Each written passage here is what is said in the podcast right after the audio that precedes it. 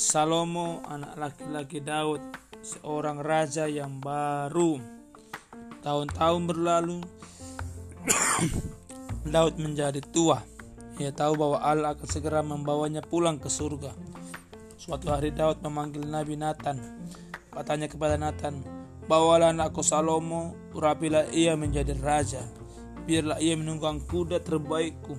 Biarlah satu orang mendahuluinya dan meniup sangka kalah dan biarlah orang-orang yang berseru di jalan-jalan Dirgahayu sang raja Dirgahayu sang raja.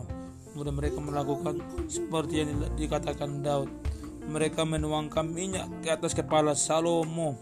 Mereka mendudukkannya di atas kudanya. Mereka mengirim satu orang mendahulunya untuk meniup sangkakala. Udududu sangkakalanya berbunyi. Mereka pun berseru-seru di jalan. Dirgahayu sang raja Dirgahayu sang raja. Semua masyarakat orang Israel mengatakan Dirgahayu sang raja. Orang-orang mendengar suara yang gaduh itu. Mereka datang berlari-lari keluar dari rumah mereka. Mereka milik Salomo mengendarai kuda raja. Mereka mendengar sangka kala dan seruan Dirgahayu sang raja Lalu mereka tahu bahwa Salomo adalah raja yang mereka yang baru mereka bersuka cita mereka semua mengikuti Salomo dan Nathan serta pejabat-pejabat kerajaan. Setelah berseru-seru dan bernyanyi-nyanyi, mereka meniup trompet ini dia raja. Trompet-trompet, seruan dan nyanyian melalui seluruh kuda, seluruh kota. Setelah itu Salomo datang kembali kepada Daud ayahnya. Daud memberitahu Salomo bahwa tidak lama lagi ia akan meninggal. Kata Daud kepada Salomo, Bila engkau menjadi raja, engkau harus selalu melayani Allah. Engkau harus memelihara firman-Nya lalu Allah akan memberkatimu. Tidak lama kemudian Allah membawa Daud pulang ke surga dan Salomo pun akhirnya menjadi raja. Salomo mengasihi Allah. Ia pergi ke Gibeon untuk menyerahkan persembahan khusus kepada Allah.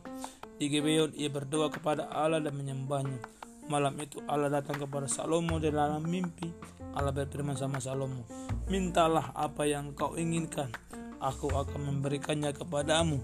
Salomo menyambut menyahutnya, "Ya Allahku, Engkau telah menjadikanku menjadi seorang raja. Aku harus memerintah semua orang ini. Aku sangat sulit kadang-kadang untuk mengetahuinya yang apa yang harus aku lakukan.